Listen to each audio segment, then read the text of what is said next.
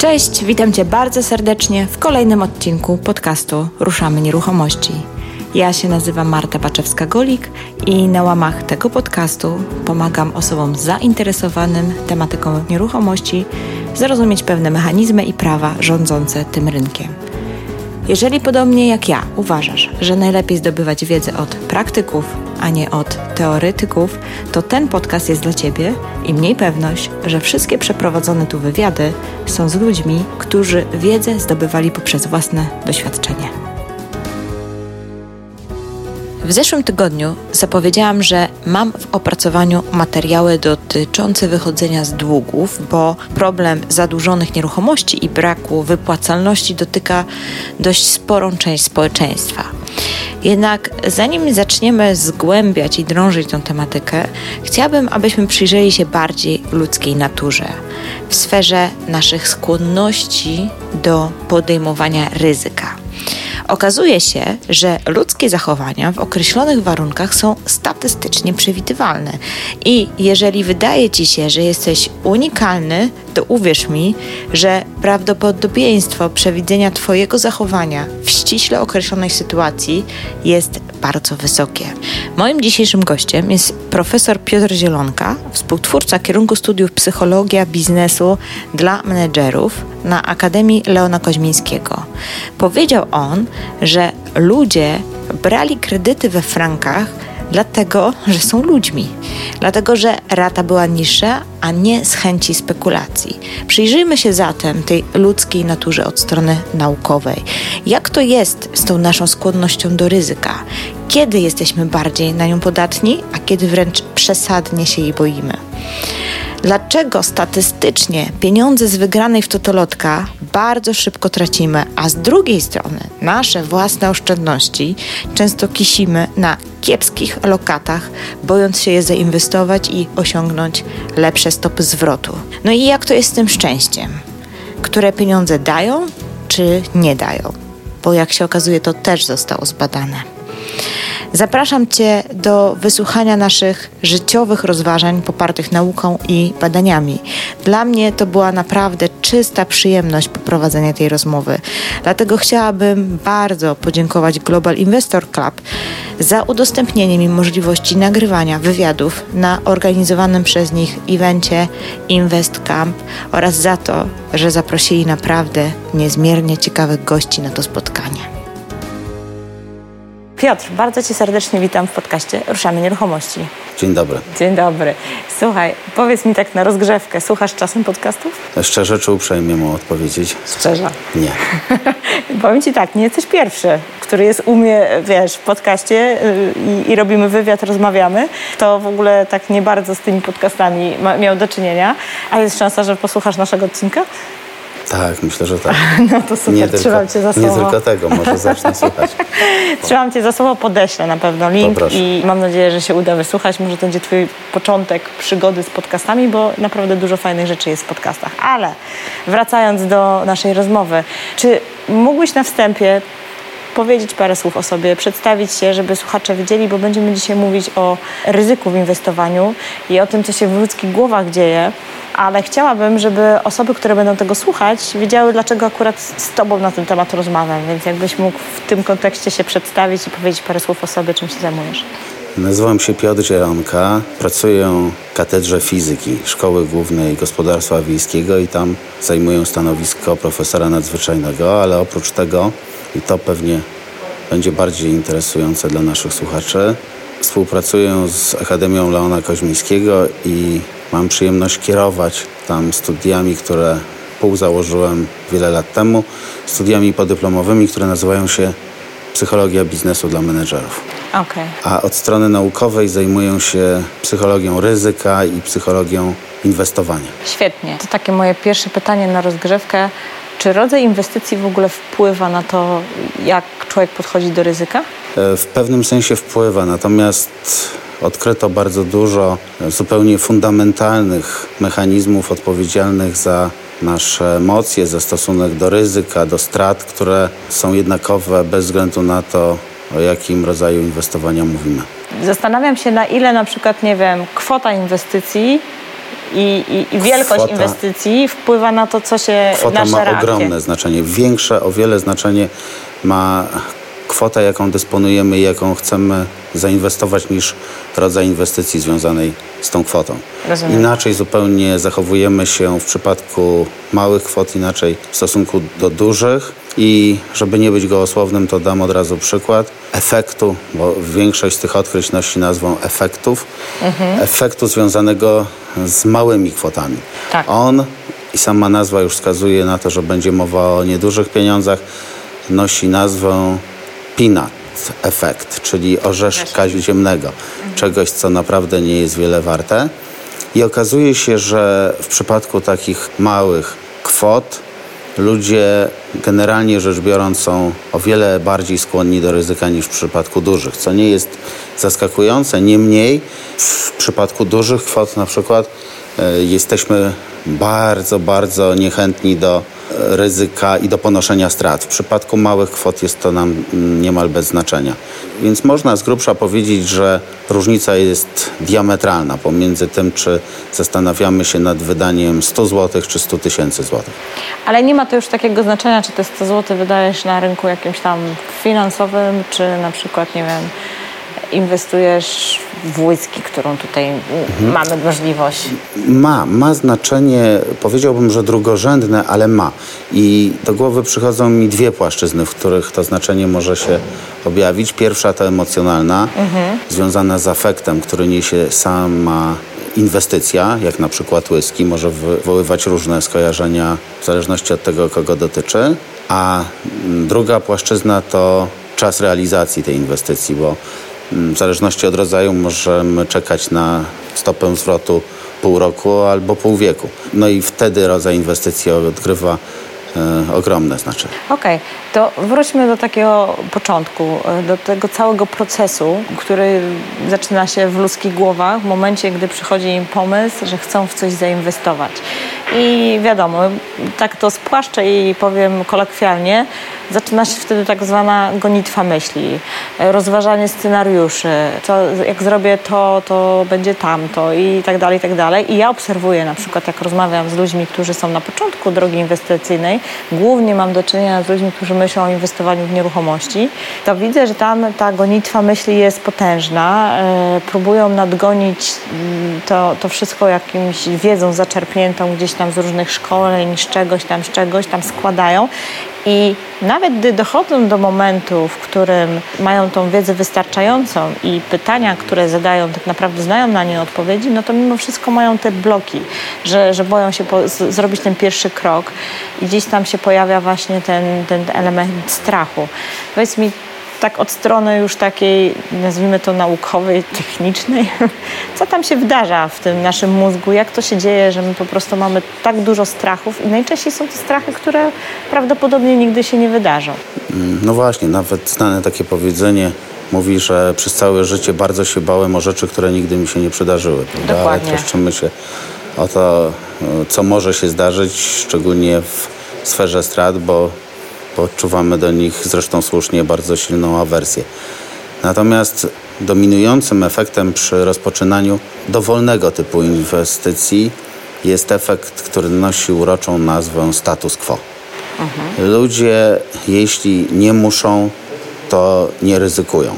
Owszem, zdarza się, że ryzykujemy dla przyjemności, ale najczęściej wtedy kwoty są ściśle ograniczone i, i, i, nie ryzykujemy, szczególnie rzecz biorąc, kwoty, której nie posiadamy. Czyli mało kto zaryzykuje nonszalancko y, pieniądze, które wziął na kredyt. Więc Chociaż są też i tak. Są, ale mhm. statystycznie rzecz biorąc ludzie y, mhm. ostrożnie obchodzą się z dużymi pieniędzmi, na które ciężko zapracowali i y, z takimi, które trzeba mm, spłacać. Status quo polega na tym, że bezpieczniej czujemy się w rzeczywistości, w której jesteśmy, jeśli ona nie jest skrajnie zła, niż kiedy wypuszczamy się na nieznane wody. I trudno jest tutaj opowiedzieć o podstawowej teorii, która dosyć dobrze opisuje zachowania ludzi w warunkach niepewności czy w warunkach ryzyka, szczególnie dlatego, że wiąże się ona z dwoma wykresami, a jeden z nich jest bardzo ważny. Ja spróbuję oddać słowami jego kształt. to jest litera S. Niesymetryczna litera S, której środek przypada na tak zwany punkt odniesienia pomiędzy zyskami a stratami. I ta litera S obrazuje naszą umysłową wycenę różnego rodzaju dóbr, dajmy na to pieniędzy i nosi często nazwę funkcji użyteczności. I z kształtu tej litery można wnioskować, jaki jest stosunek ludzi do ryzyka w sferze zysków i w sferze strat. I generalnie rzecz biorąc, od tego są liczne wyjątki, ale generalnie dla dużych kwot ludzie wykazują wysoką skłonność do ryzyka w sferze strat, okay. skłonność do ryzyka w sferze, w sferze strat, strat i awersję do ryzyka w sferze zysków. I co to oznacza? Że jeśli stoimy przed perspektywą utraty dajmy na to 50 tysięcy złotych, to jesteśmy w stanie zaryzykować o wiele więcej, żeby nie stracić tych 50 tysięcy. Okej. Okay. Normalnie rzecz Czyli to jest ten efekt takiej spirali zadłużenia? Trochę? To jest coś bardziej skomplikowanego, ta spirala zadłużenia, ale blisko. Natomiast ten S-kształtny charakter funkcji użyteczności oznacza tyle, że jeśli ktoś by nam teraz, tobie albo mnie, zaproponował grę mało uroczą, ale sprawiedliwą za to, rzucimy symetryczną monetą, jeśli wypadnie reszka, to dostajesz 10 tysięcy złotych, a jeśli orzeł, to tracisz 10 tysięcy złotych. Taka gra jest nieatrakcyjna. Jestem przekonany, że nie chciałabyś zagrać coś no takiego. Nie. Prawda? Chociaż masz w perspektywie z prawdopodobieństwem jedna, druga otrzymanie 10 tysięcy. Ale tak. wizja utraty z równym prawdopodobieństwem tej samej kwoty przeraża. Tak. Prawda? No bo podpisuję mhm. coś, za chwilę będę miała pecha i tracę 10 tysięcy. Tak. Żadna to jest atrakcja. I teraz to jest bardzo dobry punkt startu. I teraz proszę zauważyć, co musi się stać z ryzykownym projektem, żeby ludzie w niego weszli. Albo kwota zysku musi być o wiele, o wiele wyższa niż potencjalna Czyli strata. Potencjalny... Czyli gdybym ja powiedział, mhm. możesz zarobić 5 milionów złotych z prawdopodobieństwem jedna druga, lub stracić 10 tysięcy z prawdopodobieństwem takim samym. Rzucamy monetą. I teraz to okay. nie jest tak bardzo jeszcze atrakcyjne, Aha. ale już jest niezłe prawda? No musisz sobie, no może będę miała pecha i stracę 10 tysięcy złotych, ale, ale wygram? tak, ale duże mam prawdopodobieństwo, że dostanę 5 milionów, a to może się nie powtórzyć prędko. Mhm. Więc o wiele większy potencjalny zysk niż strata. Tak, tam jest to w skrajnej postaci. Mhm. Ale w lotto wartość oczekiwana jest dla kolektury dodatnia, dla nas ujemna. Tak. To jest gra sprawiedliwa, czyli sprawiedliwa jest w przypadku równych wypłat, a tutaj, gdzie jest 5 e, milionów versus minus 10 tysięcy, to nie jest sprawiedliwa.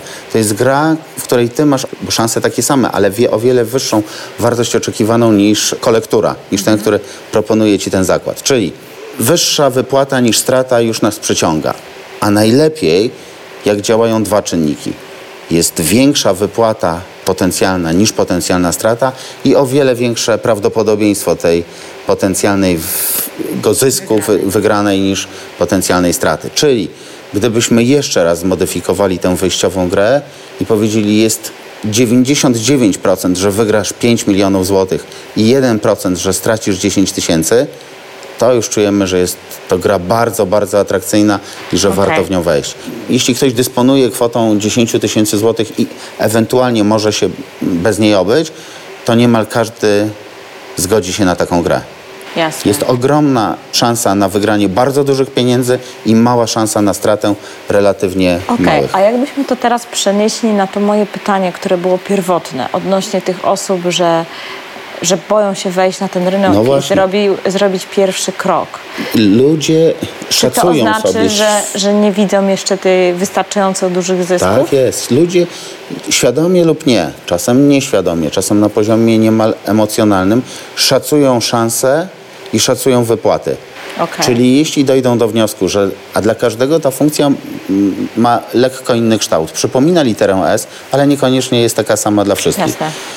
I jeśli ktoś uzna, że 5 milionów złotych to jest za mało, żeby poświęcić 10 tysięcy, albo powie, że 1% na straty to jest za dużo dla niego, no to dalej powie, że nie, tak. nie wchodzę. Potem może tego żałować, może powiedzieć, Boże, przecież to była wielka okazja i ja tak. z tego nie skorzystałam, ale w momencie podejmowania decyzji czuje, nawet nie tyle, że wie, tylko czuje, że lęk Czyli te potencjalne dla niego zyski jeszcze są zbyt małe albo, nie wiem, tak jakby nie przesłaniają tych ewentualnych potencjalnych strat, albo na odwrót, wyolbrzymiają te potencjalne tak. straty. E, I, i, i, tak jakby zaniżają, bo nie wierzą, że, że mogą zarobić. Tak. I zauważ, mentalnie że... zaniżają potencjalne tak, zyski, co tak. czasami w ogóle nie ma nic wspólnego z rzeczywistością, tak ale, ale tak jakby I tutaj... Zauważ, że ten model, ten, o którym wspomniałem, ten model efektu status mhm. quo, a, a szerzej mówiąc teorii perspektywy, on abstrahuje od emocji. Tu właściwie nie ma mowy o emocjach. Mówi się tylko o wycenie, o użyteczności pewnych wypłat. On jest bardzo uproszczonym wariantem świata, który jest wokół nas. Bardzo uproszczoną wersją, a już dużo mówi o tym, czego się boimy i dlaczego nie chcemy wchodzić w inwestycje. Dlaczego nie chcemy rozpoczynać ryzykownych projektów? Właśnie no dlatego. A jak dodamy do tego emocje? No to obraz staje się bardziej zagmatwany i na tę krzywą, czy gdzieś w, wewnątrz niej pojawia się strach, nadzieja, a potem ewentualnie duma albo wstyd. Tak. Natomiast y, to, co warto od razu powiedzieć, to, że sama psychologia ryzyka związana z charakterem funkcji użyteczności jest dosyć dobrze skwantyfikowana. Można sporo rzeczy obliczyć i dzięki temu przewidzieć zachowanie człowieka. Jak do tego dodamy emocje, to predykcje się kończą. Naprawdę? Są takie wzory? Tak. Statysty oczywiście nie dotyczą to konkretnej osoby i nie dają stuprocentowej pewności, natomiast statystycznie. statystycznie rzecz biorąc można powiedzieć, jak ludzie w danych warunkach się zachowają. I jak ja zaczynałem od tej gry 10 tysięcy versus minus 10 mhm. z prawdopodobieństwem jedna druga, to byłem subiektywnie rzecz biorąc pewien, że powiesz nie wchodzą. Tak jest naprawdę mało osób, które mają tak dużą skłonność do ryzyka, że są w stanie e, wejść w tego typu grę. projekt. Mhm, rozumiem, to są już wyliczenia statystyczne. No dobrze, czyli a, i teraz powiedz mi, jak na to na, wszystko nałożymy, dołożymy emocje i te wyolbrzymienie tego, tej potencjalnej straty, to co się musi zadziać, żeby się proporcje prze, prze, e, zmieniły, mhm. E, że tak powiem? Są na to jakieś wzory? Już bez emocji ta krzywa S, do której co jakiś czas się odwołuję, jest niesymetryczna i ta niesymetria polega między innymi na tym, że jest ona o wiele bardziej stroma po stronie strat niż po stronie zysków. Co to oznacza? Że jeśli mamy wycenić, jak bardzo cieszymy się z nagrody, z bonusa, ze znalezienia, w cudzysłowie, tysiąca złotych i po jakimś czasie wycenić, jak bardzo zabolałaby nas utrata tysiąca złotych, to okazuje się, że ból po stracie mierzony w jakichś mhm. tych samych znormalizowanych jednostkach jest o wiele silniejszy niż radość po zysku. Czyli o wiele bardziej boli nas utrata tysiąca złotych niż cieszy zyskanie tysiąca. To jest w ogóle niesamowite.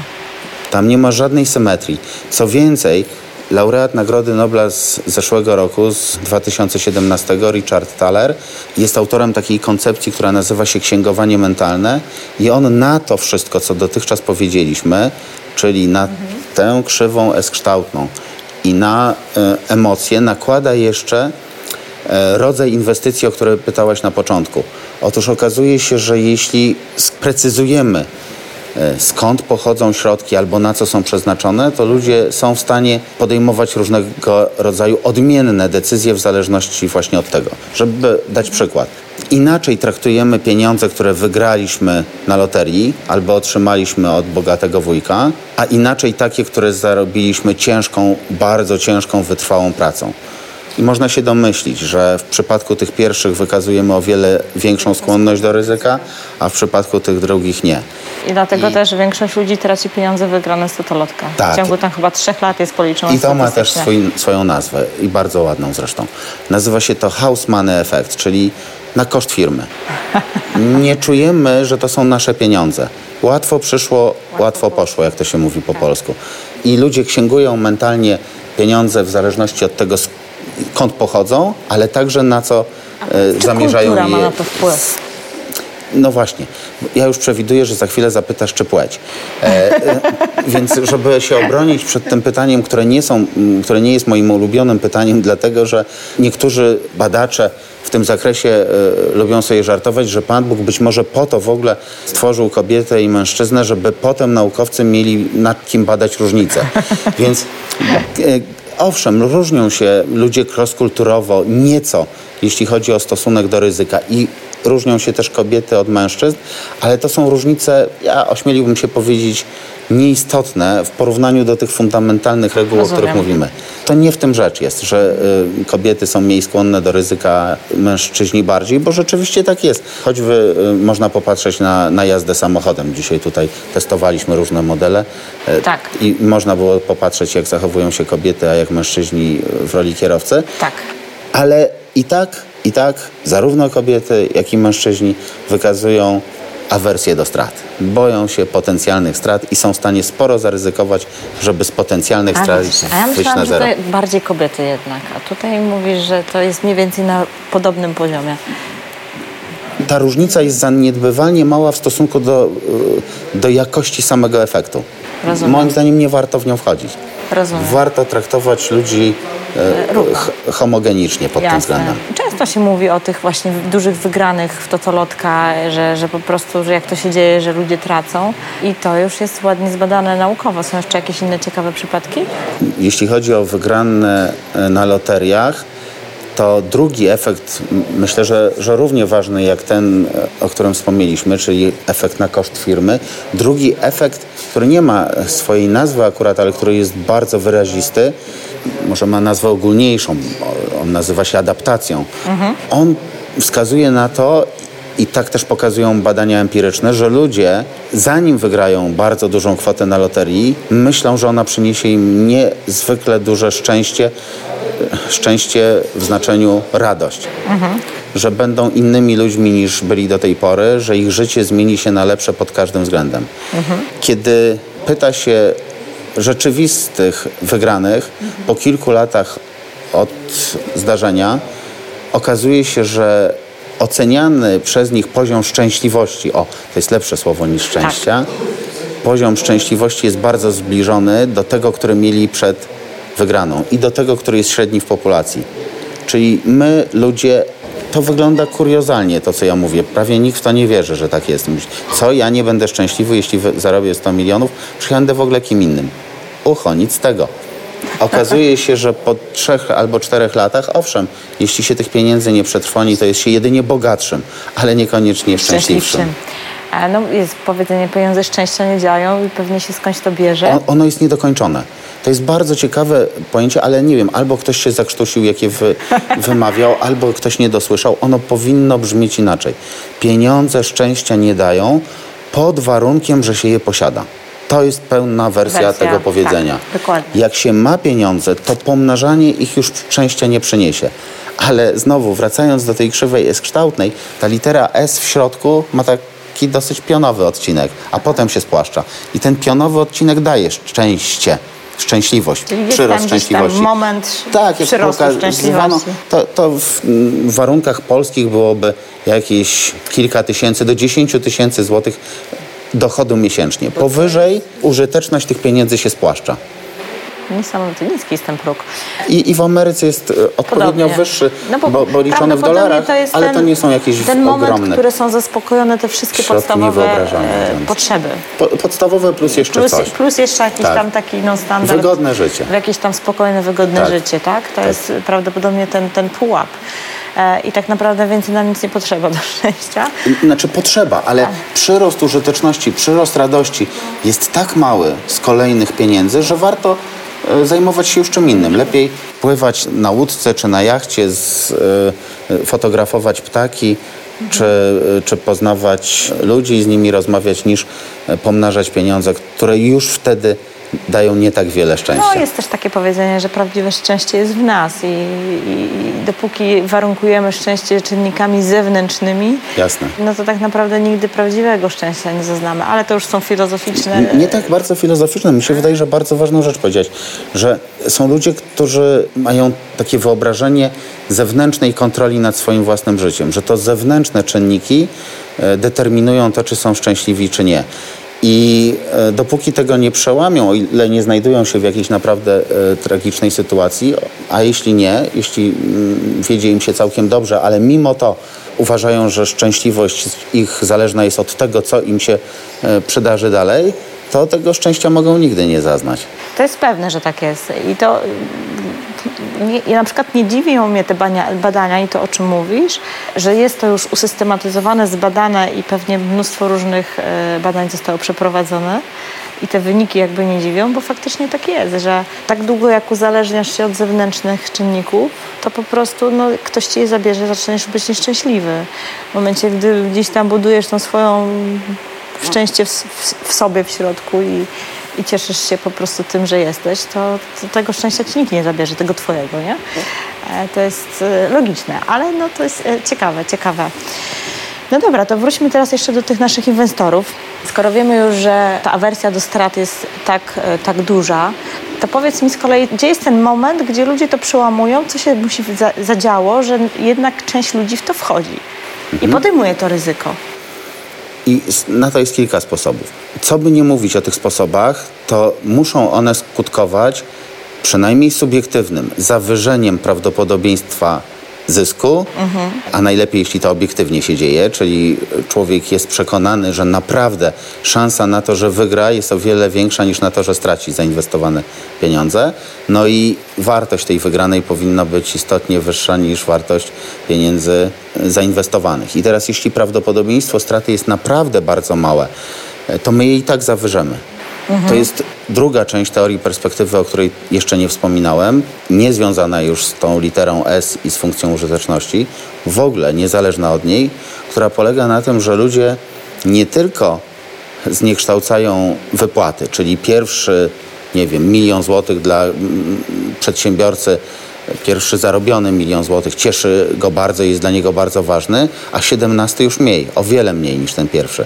To oprócz tego zjawiska następuje nieliniowe traktowanie prawdopodobieństw, czyli my wszyscy bardzo mocno zawyżamy małe prawdopodobieństwa i zaniżamy duże. Czyli jeśli ktoś mi powie, że coś, a szczególnie coś niepożądanego, może mi się przydarzyć z prawdopodobieństwem jedna tysięczna, to w moim umyśle jest to może jedna pięćdziesiąta albo jedna trzydziesta. Ja jedną tysięczną czuję tak, jakby to była jedna trzydziesta. Czyli zawyżam subiektywnie wartość tej małej szansy na niepowodzenie. Rozumiem. Także ewolucja przystosowała nas do tego, żeby nie ryzykować i żeby bać się strat. Widocznie okazywało się, że nasi prapradziadowie lepiej wychodzili na tym, jeśli y, wykazywali awersję do ryzyka, niż na tym, kiedy ryzykowali. Bo jeśli ryzykowali, to mogli zostać przywódcami lokalnymi czy, czy mhm. magnatami, ale większość z nich kończyła źle i jakoś ewolucyjnie nam się to wdrukowało nie ryzykuj, a szczególnie wtedy, kiedy możesz dużo stracić. Zastanawiam się, czy na to ma też wpływ, e, znaczy pytałam o rodzaj inwestycji, ale teraz zapytam może bardziej szerzej o rodzaj projektu. Czy na przykład zmienia się to w momencie, kiedy ludzie czują w jakimś projekcie taką wyższą dla siebie z ich punktu widzenia wartość? Jasne. Czyli, czyli na przykład, że nie wiem do czegoś się przy, przyczynią, że Absolutnie. jest jakiś szerszy, Świet, szerszy obrazek. Uwaga. Świetna uwaga i myślę, bardzo ważny problem został poruszony w tym pytaniu. Otóż kilkaset lat temu, jak powstawała ekonomia i przez długi czas od jej powstania, rządził taki paradygmat e, zwany homo economicus. On polegał na tym, że uznawano człowieka za racjonalny byt, który w dodatku maksymalizuje bogactwo. Za racjonalny byt, który maksymalizuje, maksymalizuje bogactwo. własne bogactwo, czyli okay. robi dużo albo wszystko, żeby pomnażać bogactwo. Aha. I w domyśle tylko bogactwo. Tak. Otóż szybko okazało się, znaczy nie tak szybko dla nauki, ale szybko e, wraz z rozwojem badań na pograniczu ekonomii i psychologii, że to nie jest prawda. Na szczęście być może dla, dla człowieka jako przedstawiciela gatunku bo my potrafimy maksymalizować też inne wartości, nie tylko monetarne, nie tylko pieniężne. No i ludzie robią na przykład dużo, żeby maksymalizować poczucie piękna albo sprawiedliwości, albo y, czegoś jeszcze kosztem maksymalizowania bogactwa. I ponieważ to są preferencje, Więc o preferencjach nie można mówić w sposób obiektywny, bo Jasne. o gustach się nie dyskutuje. Bo powiem Ci, że ostatnio poznałam takich e, deweloperów e, z Teksasu, Amerykanów, którzy no, zaczynali od takiej rodzinnej spółki deweloperskiej, budując kilka domów, sprzedając, potem mieli jakiś problem, mm, zbankrutowali, potem się podnieśli i tak dalej, i tak dalej, ale gdzieś tam w pewnym momencie zaczęli dosyć mocno, jak już tam się znowu podnosili, e, angażować się w różne akcje charytatywne. W tej chwili to są już naprawdę duzi deweloperzy, oni wydają, sprzedają około tysiąca domów rocznie, więc to jest naprawdę już duża skala. Mają fundację, m, która tam wspomaga e, różne akcje związane z dziećmi na świecie całym. Do tej pory e, i, i to u nich działa tak, że Najpierw tak jakby ten element fundacyjny, nie wiem czy to jest do końca fundacja, bo już nie wnikałam w szczegóły, jakie to są formy prawne, ale nazwijmy to fundacją. Kupuje grunt, uzbraja, podnosi wartość, dopiero ta spółka deweloperska kupuje ten grunt już gotowy pod budowę i ten zysk, który jest z, tego, z tej podniesienia wartości zostaje w tej fundacji i to właśnie przekazują na różne cele. No i przez te tam 20 lat już około 26 milionów dolarów przekazali, więc to już jest solidna kwota. I powiem co więcej, oni zaczęli angażować swoich pracowników w te projekty, że każda rodzina, która u nich pracuje, pracownik wraz z całą swoją rodziną jeździ na te misje, spędzają tam 10 dni, to jest pełnopłatny, to nie jest urlop, tylko płatna normalnie praca, nie jeżdżą jako wolontariat i tak dalej. I to, co oni zauważyli, że odkąd zaczęli ludzi wysyłać na te bo na początku po prostu dawali pieniądze i coś tam robili. No i wiadomo, w firmie było wiadomo, że, e, że, że, że spółka tam ma jakieś tam swoje misje gdzieś tam w Tajlandii, wie, pomaga biednym dzieciom, ale dopiero w momencie, gdy tych ludzi zaczęli tam wysyłać, to się okazało, że oni zaczynali się coraz bardziej angażować w tą firmę. I tak naprawdę bardzo krótkim roku, e, no właściwie z roku na rok mają po 20-30% przyrostu e, obrotu i tak dalej. I właśnie dlatego zadałam to pytanie, bo to tak jakby pokazuje, że faktycznie ten, ten, ten rozszerzenie tych wartości powoduje coś, że w ludziach się zmienia i w jakiś sposób inaczej, no prawda, to może to już nie jest inwestorskie, ale, ale bardziej się angażują, bardziej im zależy. Tak to może wyglądać. Także to może tak wyglądać dokładnie. Czyli uważasz, że na przykład projekty, bo się zastanawiam teraz nad tymi wszystkimi takimi spółkami, firmami, piramidami różnymi finansowymi albo jakimiś innymi rzeczami. Czy to jest tak, że oni wykorzystują faktycznie tą skłonność do angażowania niskich kwot ludzi, dając w zamian dużą nagrodę i dlatego ludzie wchodzą w tego typu rzeczy? Czy na przykład jeszcze dodają do tego jakieś tam różne, że tak powiem, wartości, Jasne. które przyklejają do tak, tego tak wszystkiego tak i... Mnóstwo jest e, mechanizmów, którymi można się posługiwać, żeby kogoś oszukać. I właściwie jeśli ktoś chce oszukać drugą osobę, to bez względu na to, jak czujna był, nie była, to raczej mu się to uda. Mhm. No moim zdaniem raczej warto pracować nad tym, żeby ludzie byli uczciwi, niż nad tym, żeby zapobiegać ewentualnym oszustwom, choć no, od czasu do czasu trzeba. Natomiast y, no, nie słyszałem o jakiejś idealnej metodzie obrony przed, przed kimś, kto chce nas oszukać i, i znowu ewolucja nas jakoś w to nie, nie wyposażyła zaufanie wydaje się wartością dominującą także w biznesie. Czyli jeśli uczestnicy rynku mają wpojone, to są nauczeni, czują to, że, że warto być uczciwym, bo tak samo będą traktowani przez innych na zasadzie wzajemności, to biznes lepiej idzie szybciej, sprawniej, e, nie traci się zasobów na przeróżnego rodzaju kontrole, mm, pieczątki, zabezpieczenia. No to by pokazał ten przykład tych deweloperów, nie? Tak. I, mhm. i, e, i, no i wszystkim, można tak powiedzieć, e, żyje się lepiej. lepiej. Natomiast no, od czasu do czasu znajdzie się czarna owca, która właśnie w takim środowisku, gdzie wszyscy sobie ufają, odnajdzie. Jasne, ale wiesz, to nawet myśla, zadając to pytanie, to nawet myślałam o takich fenomenach typu Amber Gold i jakieś tam inne firmy, które po prostu gdzieś tam w jakiś sposób udało im się zdobyć zaufanie wielu ludzi, którzy tam wpłacili im jakieś pieniądze i potem się okazało, że to jest jakaś jedna wielka lipa, nie? I tak się zastanawiam, czy e, co tam się zadziało, że... że ja nigdy bym nie odważył się e, śmiać z kogoś, kto, e, kto uwierzył drugiemu człowiekowi i został oszukany. Ja wiem, ale chodzi o to, że, że jest taki efekt, nawet który nazywa się no hindsight no bias, efekt myślenia wstecznego, mhm. że jak już coś się zdarzyło w świecie społecznym, ekonomicznym, w gospodarce, to nam wszystkim wydaje się, że to było do przewidzenia Otóż nie zawsze tak jest. Niekiedy to nie jest do przewidzenia i firma wygląda wiarygodnie i ludzie wyglądają no na tak samo jest z tymi i... naszymi frankowiczami, prawda? Że, że, że, że ja mam takie odczucie, że,